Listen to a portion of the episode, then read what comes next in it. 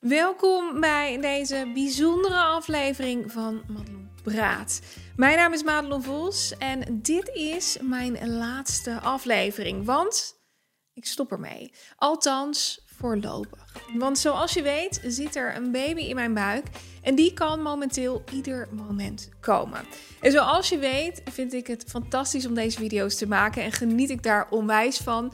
Maar zal ook ik eraan moeten geloven en moet ik mijn bubbel in om me echt voor te bereiden op de komst van de kleine.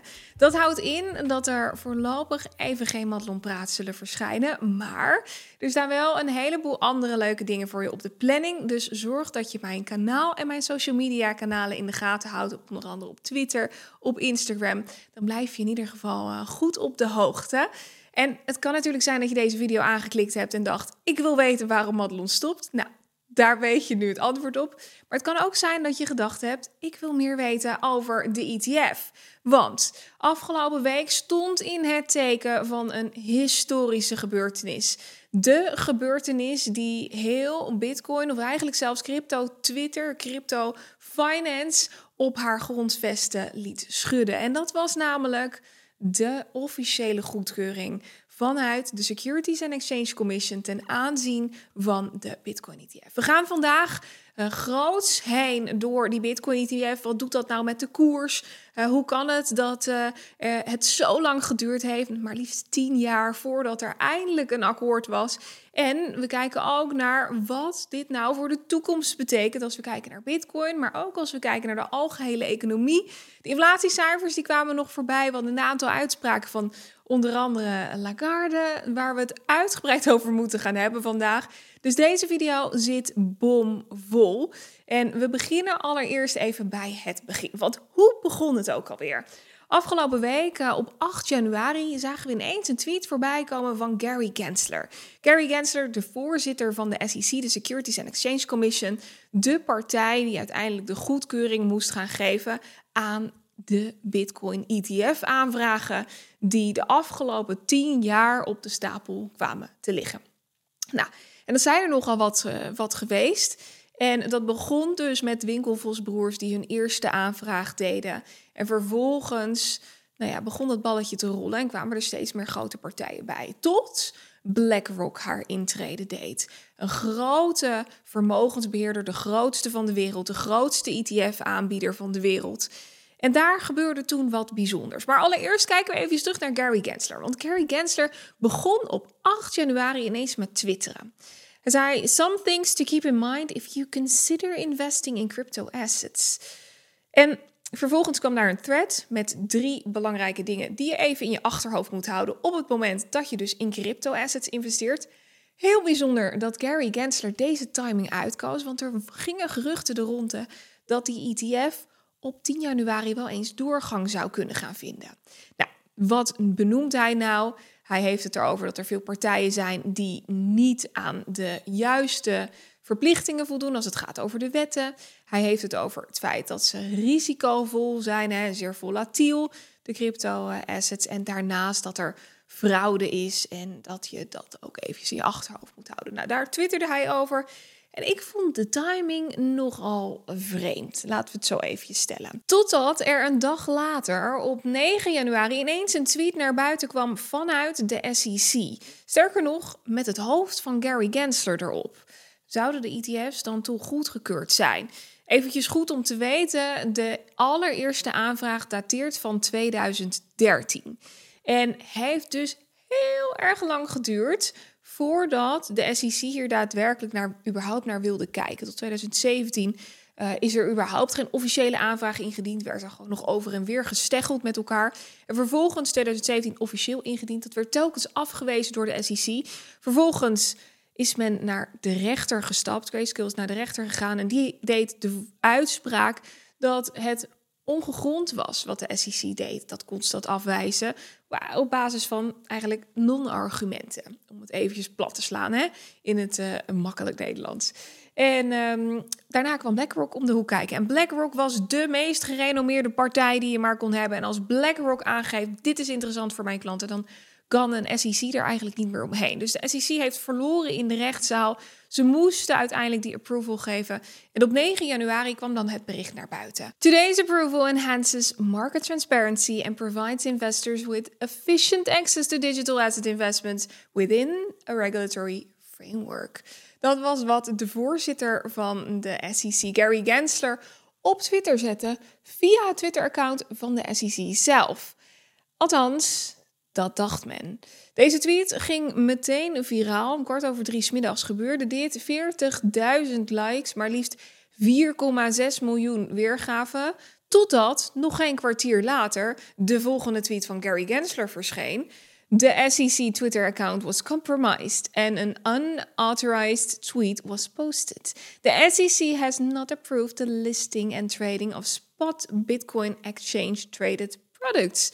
Dus, wat zei Gary? Uh, alles leuk en aardig, maar deze tweet is niet geautoriseerd. En de SEC heeft helemaal nog niks goedgekeurd. Of heeft helemaal niks goedgekeurd ten aanzien van de spot ETF. Ik ga je zo meteen uitleggen hoe dat nou precies zit met die ETF en wat dat nou voor invloed heeft. Maar allereerst dus eventjes dat vraagstuk, hè, die, dat akkoord kwam, dat lang verwachte akkoord, tien jaar naar uitgekeken op Twitter. En vervolgens kwam daar Gary Gensler overheen, een kwartier later, en die zegt, ja, het Twitter-account was gehackt. Nou, vervolgens gingen daar natuurlijk al tal van geruchten de ronde. Uh, stond die tweet al klaar? Heeft de hacker hem eerder gepost? Het schijnt ook dat de hacker meerdere tweets online heeft geplaatst en vervolgens weer verwijderd heeft op dat account. Het schijnt ook zo te zijn dat de SEC zelf niet gebruik maakte van twee-factor authenticatie. Dus het Twitter-account niet heel goed beveiligd was. Dus er nou ja, zaten wat haken en ogen aan. Dus het nieuws die, uh, die bracht het volgende naar buiten. Beurswaakhond ontkent groen licht voor de beursgenoteerde Bitcoin-fondsen. De Amerikaanse beurswaakhond SEC die ontkent dus de goedkeuring. Volgens Gary Gensler is de, het X-account van de toezichthouder gecompromitteerd, dus gehackt. En heel eerlijk, er waren zoveel verschillende mogelijkheden over die introductie van die ETF's. Dus dat ze allemaal goedgekeurd werden, dat er maar één goedgekeurd werd, dat er opnieuw een rechtszaak moest komen, dat alleen die van uh, uh, BlackRock goedgekeurd zou worden. Nou, je kon van alles bedenken, of pas over een half jaar, of... Maar dit, dit was typisch crypto-Twitter. Heel, uh, heel de cryptomarkt die begon memes te posten. De Winkelvosbroers die voelden het nou ja, lachwekkend en dramatisch tegelijkertijd. Want hoe kan zo'n groot overheidsaccount of SEC-account, hoe kan dat nou niet goed beveiligd zijn? Terwijl zij altijd zeggen, wij zijn de bron, jullie kunnen alleen ons als bron vertrouwen. Nou ja, goed. De belangrijkste vraag eh, van 9 januari was in mijn optiek dat in ieder geval wel wordt de SEC nu niet zelf aangeklaagd voor het manipuleren van de Bitcoin-koers. Want wat zagen we? De koers ging omhoog en vervolgens ging de koers weer keihard omlaag. En de SEC die twitterde dan op uh, eh, 16 oktober van 2023 nog het volgende. Be careful what you read on the internet. The best source of information about the SEC is the SEC. Nou, dat bleek dus eventjes anders te liggen. Tot het moment dat er een rapport verscheen op de website van de SEC zelf. Een 22 pagina stellend rapport. En dat rapport, daaruit bleek dat de Bitcoin ETF's, 11 ETF aanvragen, een dag later, dus 10 januari, alsnog goedgekeurd zijn. Denk onder andere aan Grayscale, aan uh, Fidelity, Van Eck, uh, Bitwise en natuurlijk de grootste van alle, BlackRock. En in dit rapport vind je ook behoorlijk wat uitleg over belangrijke vragen waar men mee kan zitten. Ik zag uh, op Twitter al vragen voorbij komen als, uh, ja, zijn deze ETF's nou één op één gebackt? En hoe zit dat nou met de afwikkeling aan de achterkant? Of uh, kan ik deze ook kopen? Waar worden ze nou aangeboden? Nou, ik ga je dat zo meteen allemaal uitleggen hoor, maak je daar niet druk over. Maar in dit rapport staat een uitgebreide uitleg. Dus mocht je dat als naslagwerk willen gebruiken, doe dat dan vooral. Maar goed, we zagen dus uiteindelijk, want hè, het was nu de website van de, van de SEC, maar wie zegt dat uh, dat dan daadwerkelijk wel een, uh, een officieel bewijs was. Er was nog eventjes twijfel. Hè, wij zaten de hele dag hier voor de buis naar Bloomberg te kijken. De negende en de tiende eveneens. Om in de gaten te houden wanneer het grote nieuws nou naar buiten kwam. En wat opvallend was, was dat uh, op de uh, tiende, de dag dus van de goedkeuring, we al meerdere uh, mensen voorbij zagen komen die een ETF-aanvraag hadden ingediend. Of met hun bedrijf een ETF-aanvraag hadden ingediend. Waaronder Cathy Wood. En ik vond haar, van ARK Invest natuurlijk, ik vond haar zeer blij en vrolijk ogen. En ze zei ook van op dit moment is de ETF nog niet goedgekeurd. Maar je las gewoon van haar gezicht af dat het zou gaan komen. En vervolgens hadden ze in hun programmering ook al mevrouw Hester Pierce rond vijf uur uh, ingepland, vijf uur Amerikaanse tijd. En toen werd het wel duidelijk dat uh, die ETF uh, goedkeuring eraan zat te komen. Hester Pierce natuurlijk ook onderdeel van de SEC en zij is juist heel erg pro, pro. En deed daarna ook haar zegje. Maar het was zeer interessant dat er dus heel veel partijen waren die dit al wisten, waaronder Bloomberg zelf. Want de Bloomberg Terminal die begon ineens met het noteren van alle verschillende uh, eh, ETF's. En dat is misschien wel interessant om eventjes, uh, even mee te kijken. Je ziet, het, uh, je ziet ze hier staan. Dit zijn alle ETF's, Bitwise, ARK Invest van Kitty Wood, dus Fidelity. we zien Valkyrie ertussen staan met brr. Ik vind dat wel een hele leuke ticker. Brr en Hoddle vind ik ook een hele leuke ticker van Van Eck. En je ziet hier ook uh, de kosten die er uh, mee gemoeid waren op dat moment. Inmiddels zijn er al veel partijen geweest die de kosten hebben verlaagd. Wat opvallend is, is dat Grayscale een hoog percentage had, een hoge fee heeft. Uh, eh, 1,5 procent. En die ETF-aanvragen die hebben er dus eigenlijk voor gezorgd dat die fees al veel harder omlaag gegaan zijn. Wat belangrijk is om te weten bij zo'n ETF is dat de spread ook heel erg laag is. Dat kan 0,01 zijn. En uh, zo'n spread is op exchanges vaak, uh, vaak groter. Nou, uh, wat zien we nog meer? We zien de exchange waar deze gelist zijn bij de CBOE, de New York Stock Exchange of de Nasdaq. En de partij die de custodian doet. dus die daadwerkelijk de bitcoins die onderliggend zijn aan deze ETF's. Die partijen die zorgen dus voor de opslag. Dus één op één opslag. Ik zal je zo uitleggen hoe dat proces nou gaat als jij een, uh, een ETF zou kopen. Maar eerst misschien nog wel even goed om te weten wat dat nou precies is. Want hoera, die ETF is goedgekeurd. Je zag mij ook al twitteren. Dit is een historisch moment. Het is bevestigd op Bloomberg. Na tien jaar, uh, naar aanleiding van de eerste aanvraag. En uh, de elfde zou de eerste ETF, wat zouden de eerste aandeeltjes binnen die ETF, zeg maar, verhandeld uh, gaan worden en begonnen de markt te openen. Dat was dus afgelopen donderdag. Ja, en de belangrijkste vraag waar veel mensen natuurlijk mee zitten is: wat is nou zo'n ETF en waarom is het nou zo belangrijk dat juist nu die ETF-aanvraag goedgekeurd is? Nou, wij duiken daar zo dieper in, maar eerst even goed om te weten wat überhaupt een ETF is. Een ETF is eigenlijk een, eh, een ja, type beleggingsfonds zou je kunnen zeggen, dat op beurzen verhandeld wordt, net als uh, gewone aandelen. En het verschil met een traditioneel beleggingsfonds is dat een ETF gedurende een totale uh, complete handelsdag gewoon aan en verkocht kan worden tegen de marktprijs op dat moment. Daar waar een fonds enkel aan het einde van de dag, van de handelsdag, uh, verhandeld wordt tegen de netto vermogenswaarde die dat fonds op dat moment heeft. Nou, even heel erg platgeslagen. ETF's die zijn er in tal van verschillende soorten en maten. Denk aan uh, op aandelen gebaseerd obligaties. Het kunnen grondstof zijn. Uh, dat kan zelfs een mix daarvan zijn. Um, ik denk onder andere aan uh, bijvoorbeeld goud of graan of tarwe of olie. En ze zijn dus onderworpen aan de prestaties van de specifieke index of de specifieke sector of de mix die ze volgen. En in dit geval spreken wij over spot ETF's. Dat betekent dus dat die ETF's die onderliggende bitcoins daadwerkelijk in beheer hebben. En dat ze dus niet synthetisch zijn. Dat is een mogelijkheid, maar in dit geval gaat het over spot ETF's. En dat was ook het lastige punt voor de SEC, want zij waren bang dat dit eventueel kon zorgen voor enorme fluctuaties op de markt. En een ETF is een zeer nou toch wel zeer populaire keuze onder beleggers. Niet alleen in Amerika, maar ook in Nederland.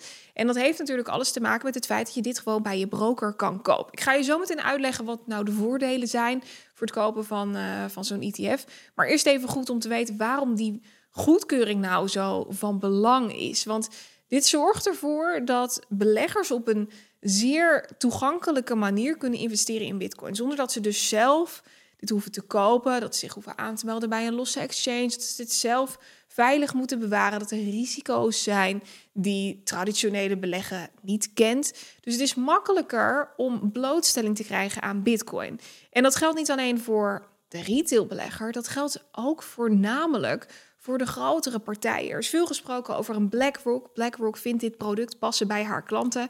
En BlackRock, dat is de grootste asset manager van de wereld. Of de grootste asset manager, ik moet eigenlijk zeggen, de grootste vermogensbeheerder van de wereld.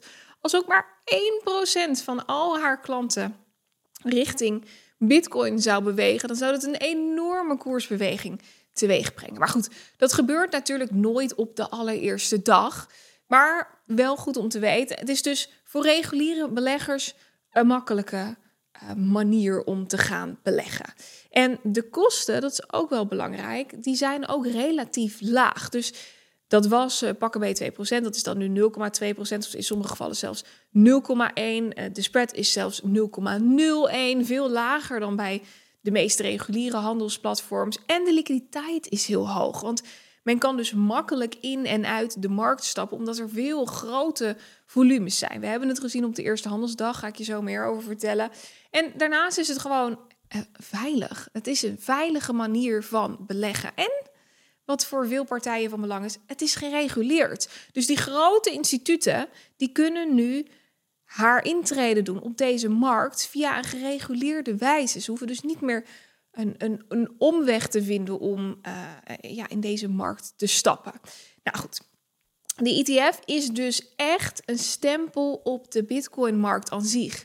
Het is nu een officiële asset class in de ogen van de belegger, de reguliere belegger, de wat toch wel oudere man, misschien een beetje grijs haar, hè, als ik het me eventjes voor uh, inbeeld, misschien wat kalend, uh, die achter zijn computer zit te beleggen of die op Wall Street loopt en met grote klanten spreekt. Voor deze partij is Bitcoin nu een echte assetklasse geworden. Nou, we moeten nog gaan zien in hoeverre Bitcoin hier ook daadwerkelijk echt klaar voor is. Volgens de SEC eerst dus niet, maar nu inmiddels wel. Wat ook even goed is om te weten, is dat het in Nederland op dit moment nog niet mogelijk is om aan die ETF te komen.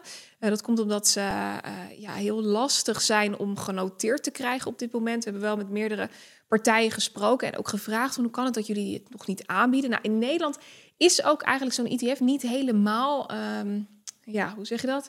Van belang, want je had eigenlijk al een soort van spot ETF's. Dat noemden ze dan ETN's. En die zijn wat duurder. Uh, die kun je ook niet uh, zomaar standaard in je, bijvoorbeeld in je pensioenrekening krijgen. Het is wat ze noemen een zogenoemd complex product. Um, wat goed is om te weten, nu ik het toch heb over pensioenen. In Amerika is het straks wel mogelijk om je pensioengelden in bitcoin te beleggen met dus voordeel van, uh, ten aanzien van je belasting. In Nederland kun je ook uh, beleggen voor je pensioen. En dan hoef je dus niet vooraf belasting te betalen, maar dat doe je dan pas achteraf. Dus als je daadwerkelijk gebruik gaat maken van je pensioen. Vaak ligt dan je salarisschaal waar je in terecht komt, ligt dan lager. Als je eenmaal met pensioen gaat, dat kun je dan heel mooi uit, uitmiddelen. Daar weet Thijs Verlangen veel van. Als het gaat over uh, belasting, mocht je daar uh, meer over willen weten, kijk dan even bij hem. Um, maar het pensioenaccount in Amerika, daar kun je dus straks ook gewoon Bitcoin op aanschaffen. Nou goed, lang verhaal kort. Dit is echt een stempel op de markt. En dat BlackRock hier haar inmenging in deed, was helemaal natuurlijk uh, zeer bijzonder. De grootste vermogensbeheerder van de wereld, grootste ETF-aanbieder van de wereld. En zij zeggen: dit is passend voor onze klanten. De toezichthouder, de SEC, kon al niet meer terug toen de uitspraak van de rechter er lag. En vervolgens deze grote partij aanklopte. En wat het tegelijkertijd met zich meebrengt, is dat de kans op een verbod van Bitcoin nu nagenoeg nihil is.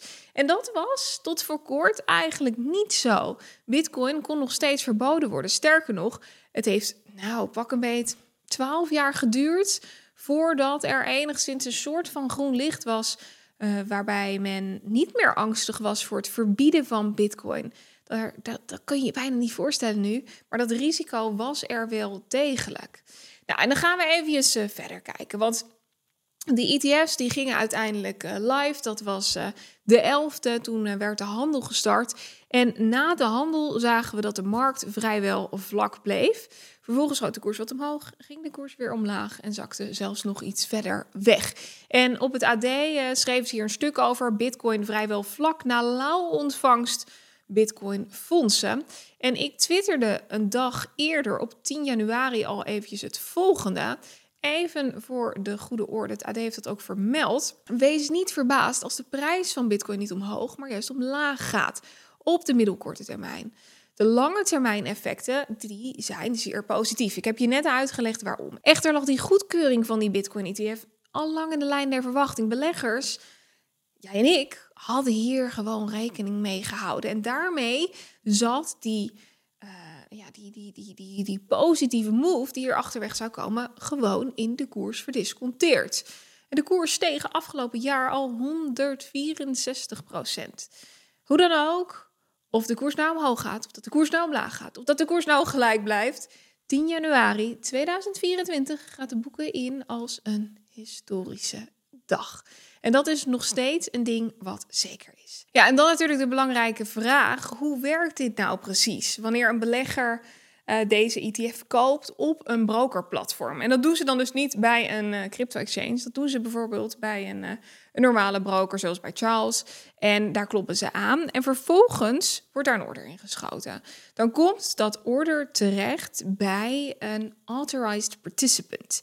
En die authorized participants, dat zijn partijen in de markt die hier ongelooflijk Ehm, als het gaat over grote vermogens, ongelooflijk veel geld aan kunnen verdienen. Dat zijn gewoon de grote reguliere partijen. Denk aan een JP Morgan, denk aan een Goldman Sachs, een ABN AMRO Bank of zelfs een Flow Traders. Deze partijen die spelen namelijk een cruciale rol in het creëren en het inwisselen van die ETF's. Eh, je zou bijna kunnen zeggen ETF-achtige aandelen. Wat gebeurt er nou? Uh, dat order wordt ingeschoten, gaat naar die EP. En die EP die gaat vervolgens naar de uitgever van die ETF. Nou, laten we eventjes zeggen dat we uh, de BRR-ETF zouden gaan kopen. We zijn dus een Amerikaan, ingelogd op ons broker-account. En we willen de, de BRR-ETF. Dat is die van uh, Valkyrie. Die wordt aangehouden op de Nasdaq, als het goed is. De ticker ligt bij de Nasdaq. En um, volgens mij is het ook zo dat die door Coinbase uh, dat custody bij Coinbase ligt. Nou, dat maakt in deze eventjes niet zo heel veel uit, maar de brillticker vond ik wel uh, leuk om daar eventjes uit te pakken. Nou, die EP die gaat dus vervolgens naar de uitgever van de ETF, dus dat is in dit geval Valkyrie. En Valkyrie is dan aan het einde van de dag verantwoordelijk voor het creëren van die nieuwe uh, eh, ETF-aandelen. En hoe worden die nou gecreëerd? Nou, die waarde van die aandelen moet, van die ETF's moet wel ondersteund worden, of van de ETF moet ik zeggen. En die wordt ondersteund door de overeenkomstige hoeveelheid bitcoin te kopen. En dit zorgt er dan ook voor dat uh, die bitcoin ETF een één op één verhouding heeft met de onderliggende asset. In dit geval dus bitcoin. Dus dat moet het geval zijn. En dat lees je ook weer terug in dat 22 pagina's tellend rapport. Het mag niet zo zijn dat er een bepaalde hoeveelheid bitcoin in de boeken staat en dat dat onderliggend er niet is. Dus iedere dag heeft zo'n partij de tijd om ervoor te zorgen dat er onderliggend een bepaalde hoeveelheid bitcoin is die overeenkomt met hetgeen wat er in de boeken staat. En hierdoor kunnen dus wel prijsbewegingen ontstaan op de koers van bitcoin. Maar toen was er natuurlijk gelijk de hamvraag en die hamvraag was hoe kan het dat die koers eerst een beetje oploopt en vervolgens naar beneden valt en nu eigenlijk nou ja, toch wel een beetje een daling laat zien? Want we zien dat er wel een enorm volume in de markt zit. We spreken namelijk over een eh, behoorlijk volume dat er plaatsvond. Want we zagen dat in één dag tijd die 11 nieuwe spot Bitcoin ETF's een indrukwekkend handelsvolume van maar liefst 3,6 miljard behaalden tot 2 uur Amerikaanse tijd. En verwacht werd dat er maar liefst 4 miljard in omloop zou zijn wanneer de markt sloot. Nou, we zagen dus die markt eventjes oplopen. Vervolgens zagen we die markt weer eventjes naar beneden lopen. En de dag werd afgesloten met maar liefst 4,6 miljard. En dat noemde men een groundbreaking day. En interessant was dat dit dus om volumes gaat. Maar dat betekent niet dat er daadwerkelijk zoveel aan Bitcoin gekocht is. Want we zagen namelijk ook dat er een heleboel geconvert is. En dat ging over GBTC. En waarschijnlijk, als je een beetje een kenner bent op de markt, dan weet je dat de GBTC-ticker al geruime tijd bestond. Dit is de Grayscale Bitcoin Trust. En dit was tot voor kort een fonds en geen ETF. Grayscale die heeft als eerste de aanvraag gedaan om hun fonds om te zetten naar een ETF. En zij hadden ook een hele hoge fee. Een fee van 1,5 procent. Die zien we hier ook terug. Echt een grote uitschieter in dit rijtje. En wat kun je nou indenken? Als jij als belegger nou, wat uh, Grayscale, uh, in, in de Grayscale ETF kan stappen, maar je kan ook tegen een veel lagere fee de Bitwise ETF kopen of de, die van ARK van Katie Wood, dan kies je natuurlijk voor de goedkopere optie. Het hoeft trouwens niet per definitie zo te zijn dat je daar altijd voor kiest. En misschien geef je een voorkeur aan de custodian, uh, een desbetreffende custodian of een desbetreffende exchange. Of um, het kan zo zijn dat er uh, belasting bij gemoeid is op het moment dat er verkoop plaatsvindt. In Amerika heb je natuurlijk een bepaald soort belasting die plaatsvindt, die betaald moet worden bij winst. Dus je kan je ook indenken dat dat dan minder voordelig is. Maar we zagen dus wel gelijk dat er behoorlijk wat omzettingen plaatsvonden. En wat zagen we Ryan Nenner nou uh, twitteren? Die zei het volgende: De Bitcoin ETF's first day was terribly unsuccessful. Nou, dit is een uh, hele voorbarige conclusie, maar hij zegt uh, de meeste mensen die hebben gerapporteerd dat er 4,5 miljard verhandeld was. En die mensen hebben niet goed naar de data gekeken. In totaal ging het om 4,6 miljard. GBTC was 50% of the 2,3 billion. Nou, wat betekent dat nou? Dat er een bepaalde hoeveelheid verkocht is, of althans dat zou kunnen, outflows. En dat daarmee nieuwe ETF's aangekocht zijn met datzelfde geld. En hij heeft het dan over zero nieuw inflows. Nou, we zagen een dag later dat het handelsvolume nog hoger was, bijna 8 miljard. Dus dit is een beetje een voorbarige conclusie van Ryan. Maar lang verhaal kort, we zien dus inderdaad wel dat er veel beweging is op de markt. En hier worden nou ja, de partijen die hier tussenin zitten alleen maar vermogender van. En om nog eventjes terug te keren op waarom dit nou zo'n pivotal moment is. We hebben het vaak gehad over de pivot point van de Federal Reserve, van ehm, natuurlijk uh, meneer Jay Powell, die ergens moet gaan pivoten aankomend jaar. Gaan we het zo ook even over hebben, want de inflatiecijfers voor Amerika die vielen weer fors tegen. Daar hebben we een mooie analyse voor klaarstaan. Maar even blijvend bij uh, Brunel. Zij heeft het over een pivotal moment. En luister even met me mee, want de manier waarop zij kan uitleggen is fenomenaal. This is really a legitimizing moment for Bitcoin that will lead to the asset being in every pension fund, every retirement account. Every grandma is going to have some exposure to Bitcoin. Ja, ze zegt dus: voor iedereen is het nu mogelijk om de Bitcoin-markt te betreden zonder dat je daar al te veel moeite voor hoeft te doen. Je gaat gewoon naar je standaard pensioenaccount of je gaat naar je standaard broker en je typt de ticker in en je kan de boel kopen. And you know, it's incredible to see what a grassroots movement built on free market principles, property rights, and the power of technology has turned into. So it's the end of one special era and the start of another very pivotal one. And this is where Bitcoin truly goes public and mainstream after 15 years. One in maybe a thousand companies ever IPO, and none have reached a market cap of nearly a trillion dollars before going public. Ja, wat ze hier dus eigenlijk zegt is, uh, als je doorgaans kijkt naar aandelen, dan doen die IPO's, initial public offerings. En uh, nog nooit eerder was er zo'n uh, mega asset in, in waarde. Uh, die een, eigenlijk een soort van IPO deed. Dus dit is het IPO-moment voor Bitcoin met zo'n grote onderliggende waarde al. Dus dat, dat belooft wat, zegt ze eigenlijk. Een pivotal moment. And here we have this open source technology network and global apex property having its IPO moment. So this is a rite of passage for Bitcoin to eventually take its place as a dominant force in global macro. What do you say to those, though, that, that remember the recent news with Sam Bankman-Fried, FTX Global? Ja, goede vraag. Hè?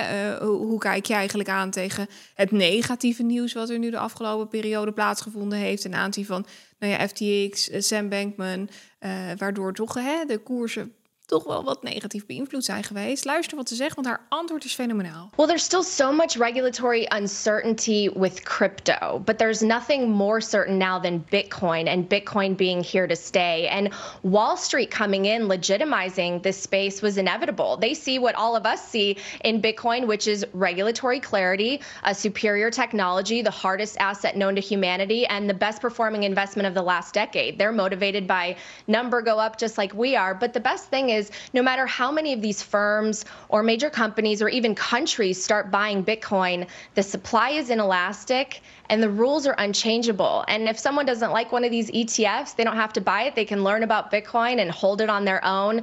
Bitcoiners are building tools and getting involved with advocacy to ensure the ability to self custody and build tools that preserve the network's decentralization. So this is really a, a, a situation where everyone benefits by adopting Bitcoin. Dus eigenlijk zegt zij: dit is het begin. Hier starten we. De oma's die strakjes uh, Bitcoin kunnen aanschaffen. En vervolgens is het de bedoeling dat mensen meer over Bitcoin gaan leren. Dat er zo ongelooflijk veel verschillende mogelijkheden zijn om zelf ook je zelfcustody te kunnen gaan doen als je dat zou willen. Als je dus niet bereid bent om hier uh, uh, in mee te gaan, wat ik kan begrijpen. Hè? Want voor ons als Bitcoiners van het eerste uur is het ongelooflijk van belang om juist die decentralisatie te voeden. Er wordt ook veel gesproken hè, over is dit nou wel decentraal, et cetera, et cetera. Uiteindelijk zijn het nog steeds de beleggers aan zich die ervoor kiezen op zichzelf staand om deze asset aan te schaffen, de ja of de nee. En we hebben te maken met die één op één backing.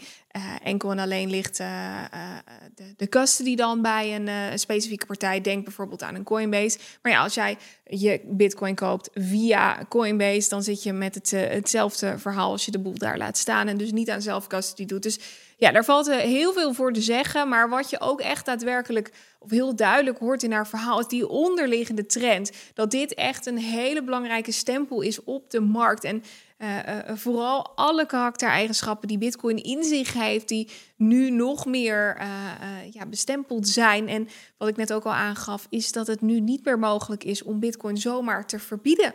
Het is echt een asset class en we gaan kijken hoe dat zich de komende jaren gaat, gaat bewegen. En als je het mij vraagt, is dit ja, uh, ontzettend interessant. We hadden ook nog uh, Tyler Winkelvos die uh, op Twitter het volgende zei: Today demonstrates the unstoppable power of Bitcoin and the inevitability of establishment to stop it. Dus Bitcoin kan niet meer gestopt worden. They've tried to fight it for over a decade and finally capitulated. Bitcoin won. It broke the establishment. The SEC gov lost and proved that it's failed institution. Dus de SEC heeft verloren. En dat komt uit de mond van iemand die een akkoord moest krijgen vanuit de SEC. Dus dat is toch wel een, uh, een uitspraak. Wat ik je ook nog graag even wil laten zien, uh, als we het toch hebben over Bitcoin, is uh, het volgende. Dit ging over het toerisme en de toename in toerisme. binnen een aantal verschillende landen. We zagen daar Qatar staan, Saoedi-Arabië, Albanië. En wat zagen we nog meer? Op plek 4 El Salvador met plus 35 procent. Ik ben zelf in El Salvador geweest. Uh, er ligt trouwens nog één uh, aflevering van Madelon in El Salvador uh, op de plank. Dus misschien kunnen we daar nog wel wat leuks mee doen. En um, ontzettend, ontzettend mooi land. Ontzettend tof om te zien hoe ze daar met Bitcoin omgaan. En um, ja, dat is dus een, een positief verhaal voor El Salvador in ieder geval. Nou, wat ik net ook al, al aangaf was. Um, dat GBTC natuurlijk eerst een fonds was van Grayscale. En dat het nu omgetoverd is naar een ETF met een vrij hoge fee. En dat er dus veel mensen zijn geweest, partijen zijn geweest, die deze wilden omzetten naar een uh, eh, ETF met een lagere fee. Wat zeer begrijpelijk is. Maar er kwamen berichten naar buiten dat onder andere Vanguard voor haar klanten de volledige toegang blokkeerde tot de reeds beursgenoteerde door de SEC goedgekeurde Bitcoin-ETF's. Waardoor klanten dus alleen maar GBTC konden verkopen en geen enkele ETF meer konden kopen. En het was later niet alleen Vanguard, maar ook Citi, Merrill Lynch, uh, Edward Jones, eh, UBS. Die konden aan het rijtje toegevoegd worden. En uh, ja, zij uh, zorgden er dus voor dat de handel in, deze ETF's gewoon niet mogelijk was voor hun klanten. Dus dat is uh, best wel een ding. En mocht je nou denken, nou, ze zouden dat dan veel mensen zijn? Ja, dat zijn behoorlijk wat mensen geweest die hier last van ondervinden. Ook veel partijen of veel, veel retail beleggers die aangaven dat ze hun account gewoon wilden sluiten omdat dit voor hun nou ja, geen prettige gewaarwording is. We hebben toch te maken met een, een vrije markt en je moet kunnen kopen wat je wil. En Nee, dit zorgde er dus voor dat GBTC alleen maar verkocht kon worden en dus helemaal niet gekocht kan worden. Wat ook zou kunnen verklaren waarom er enkel en alleen maar verkocht is um, aan, uh, aan die kant. Nou goed, we zagen daarnaast dat uh, BlackRock een behoorlijke positie aan Bitcoin nu houdt. Of althans, er staat hier dat BlackRock de boel aanhoudt. uiteindelijk houdt de custodian natuurlijk Bitcoin vast. Maar dit is wel uh, wat er nu in de ETF zit. En dat gaat over 11.000 en een half bitcoin. Dat is nogal mondvol. Dat gaat over bijna 500 miljoen voor hun spot ETF's. Dat is nogal wat. Wat ik je ook graag even wilde laten zien is een reclamespotje. En niet omdat dit toevallig gesponsord is. Nee, omdat dit een heel interessante uiting is. En het is een reclamespot van Van, van Eck. En die gaat over Bitcoin. En dan moet je heel goed luisteren naar de tekst die uitgesproken wordt in deze reclame. The world holds on to old ways until it can't. When Bitcoin was born, it broke that endless cycle. It's not a defiance of finance. Bitcoin may help guard against the government devaluing your money. Finally, You can buy and hold Bitcoin in an ETF with the VanEck Bitcoin Trust, HODL. Search the ticker HODL in your stock trading app today. Dus wat zeggen ze hier? Bitcoin may help guard against the government devaluing your money. Dat is nogal een uitspraak. Dus Bitcoin kan mogelijk helpen om ervoor te zorgen dat de overheid er niet voor zorgt dat jouw geld steeds minder waard wordt. En dat dus enkel en alleen door in je brokeraccount, althans de Amerikanen onder ons, in hun brokeraccount hier gebruik van te maken. En dus in dit geval ODL of BR of whatever je ook maar wil intikken. Ik zag ook DeFi voorbij komen, maar dat is net eventjes de niet helemaal juiste bewoording, maar goed. en als we het dan toch hebben over de devaluing of money, dan kijken we natuurlijk ook even naar de Verenigde Staten, want daar werden de inflatiecijfers gepubliceerd. En waar er 3,2% aan inflatie verwacht werd voor de maand december, kwam dat uit op 3,4%. De inflatie in Amerika loopt dus weer op. En ik ga je heel even die grafiek laten zien. We hadden hier die eh, neerwaartse beweging, volgens opwaartse beweging in Amerika. Rond de 10% kwam de inflatie daaruit. Om vervolgens te gaan dalen. En toen werd er toch enigszins opgelucht adem gehaald. En ik gaf al aan, wacht nog eventjes met dat rustige ademhalen. Want we weten dat de Great Inflation niet zomaar in één wave recht omhoog ging. Nee, dat ging in meerdere waves, namelijk maar liefst in drie.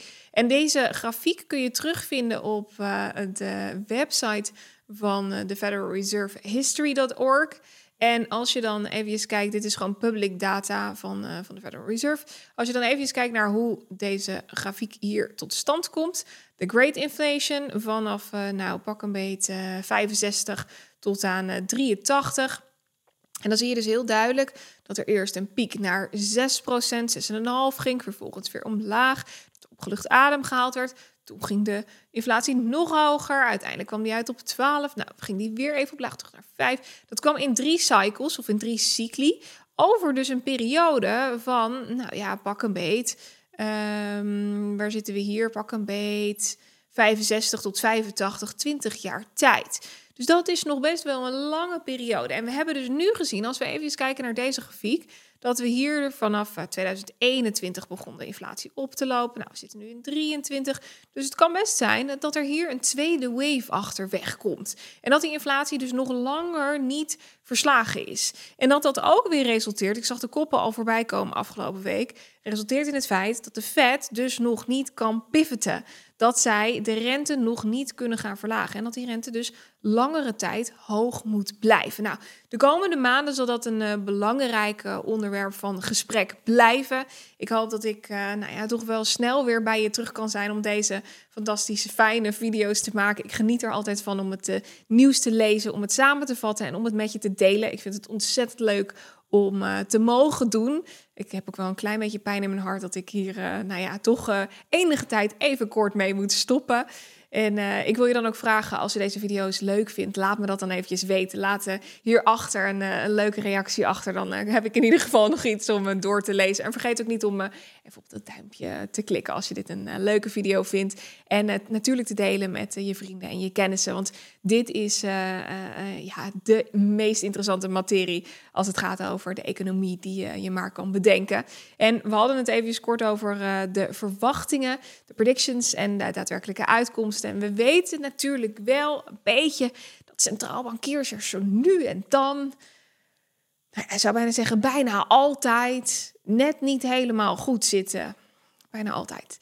Um, ze zitten er vaak naast, laat ik het zo gewoon verwoorden. Daar komt het op neer.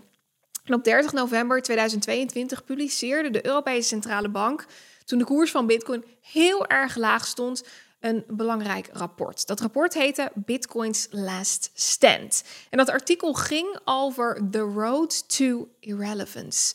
En daarin werd The Road to Irrelevance omtrent de cryptomarkt uiteengezet. Dus de weg naar irrelevantie. En ik wil toch nog maar even benadrukken dat dus de ECB er zo nu en dan wel eens naast zit. En ditmaal behoorlijk, want sinds de publicatie van dit artikel steeg de koers van Bitcoin maar liefst schrik niet, 170 procent. En heeft de allereerste, zelfs de allereerste elf Bitcoin ETF, ETF's hebben, moet ik zeggen, die hebben hun doorgang gevonden. En dit was het punt waarop de publicatie plaatsvond. Hier. En dat was op een koers van, nou, pak een meet, 17.000 dollar. En vervolgens uh, zien we dat die koers rond de 50 bungelt. Ja, wel ietsje lager hoor op dit moment. Maar uh, om en nabij uh, de 50 bungelt. Dus dat is zeer interessant te noemen. En zo zie je maar weer dat ook de analisten bij de Europese Centrale Bank er soms helemaal geen snar van begrijpen. Of geen knar, of hoe noem je het? Whatever. Je begrijpt waar ik naartoe wil.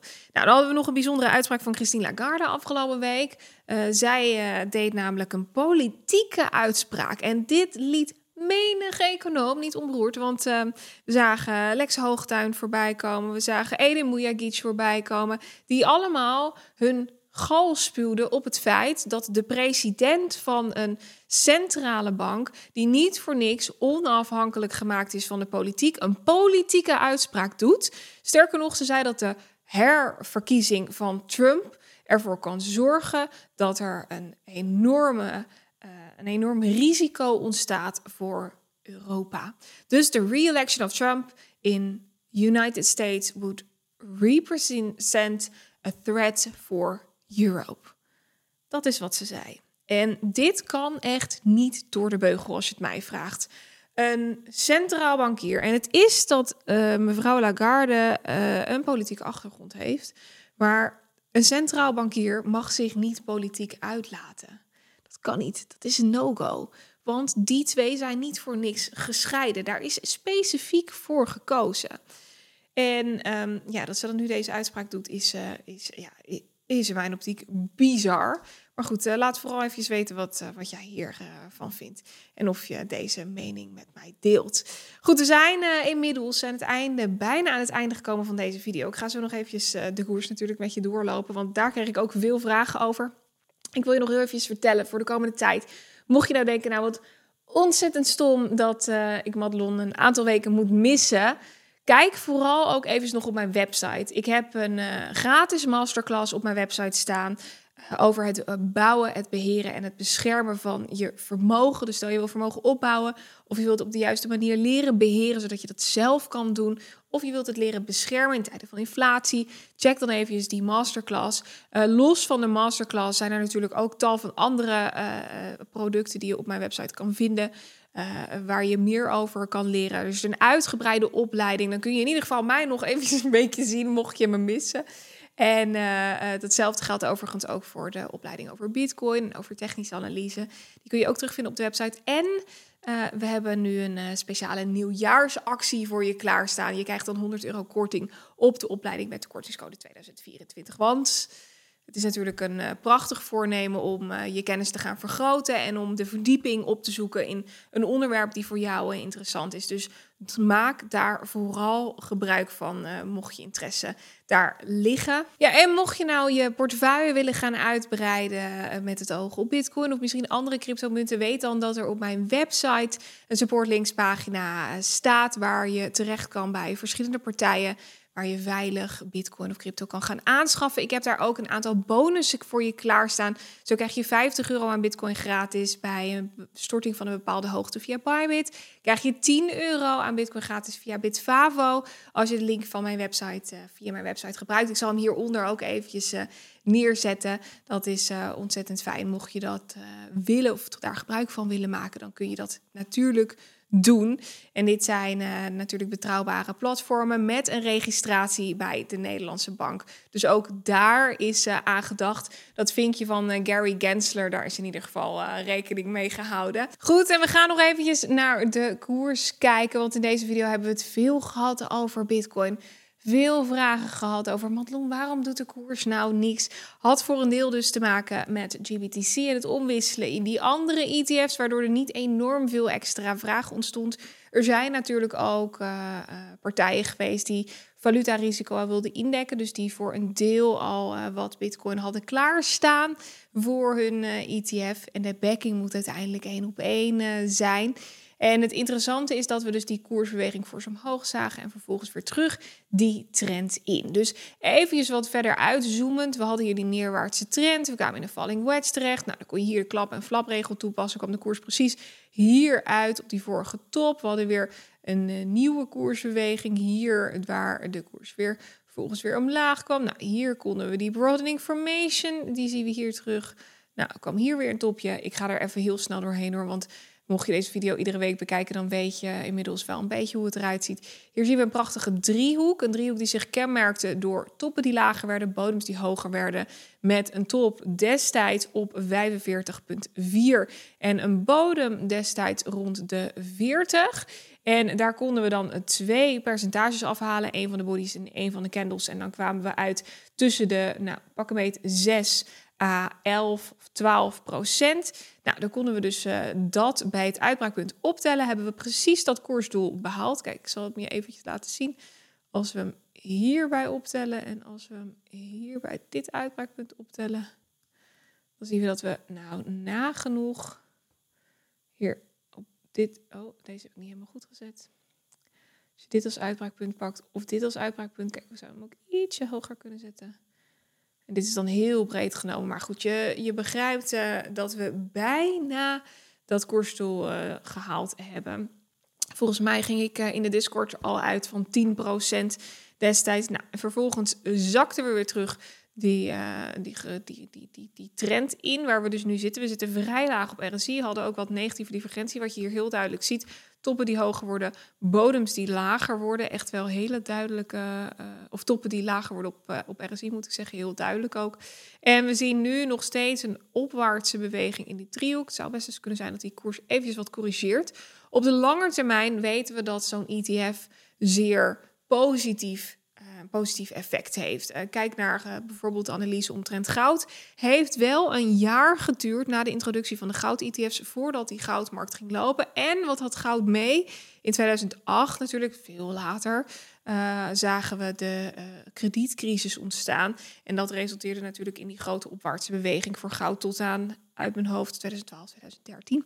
Um, misschien 2011. Als we even terugkijken naar goud, duurde dat dus een bepaalde periode. En in dit geval ook, stel dat je een ETF zou willen gaan aanschaffen, doe je dat nooit op de eerste handelsdag, tenzij je echt helemaal vastgebeten zit in deze markt. Of je uh, uh, nou ja, echt een, uh, een fervent handelaar bent.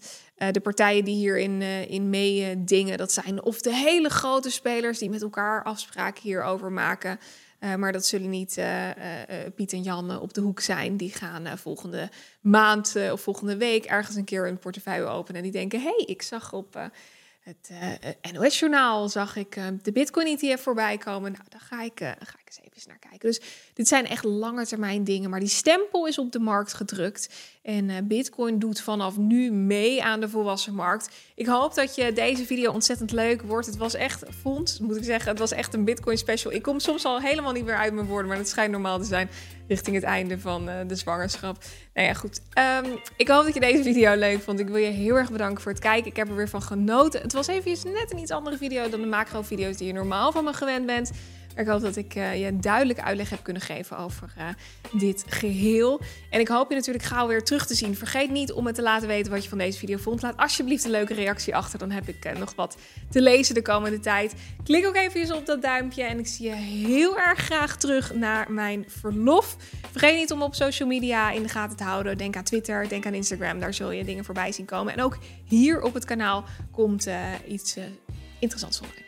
Maar daarover zul je later uh, meer zien. Houd het gewoon in de gaten volgende week, over twee weken op zondag. En uh, dan zien we elkaar vast snel weer.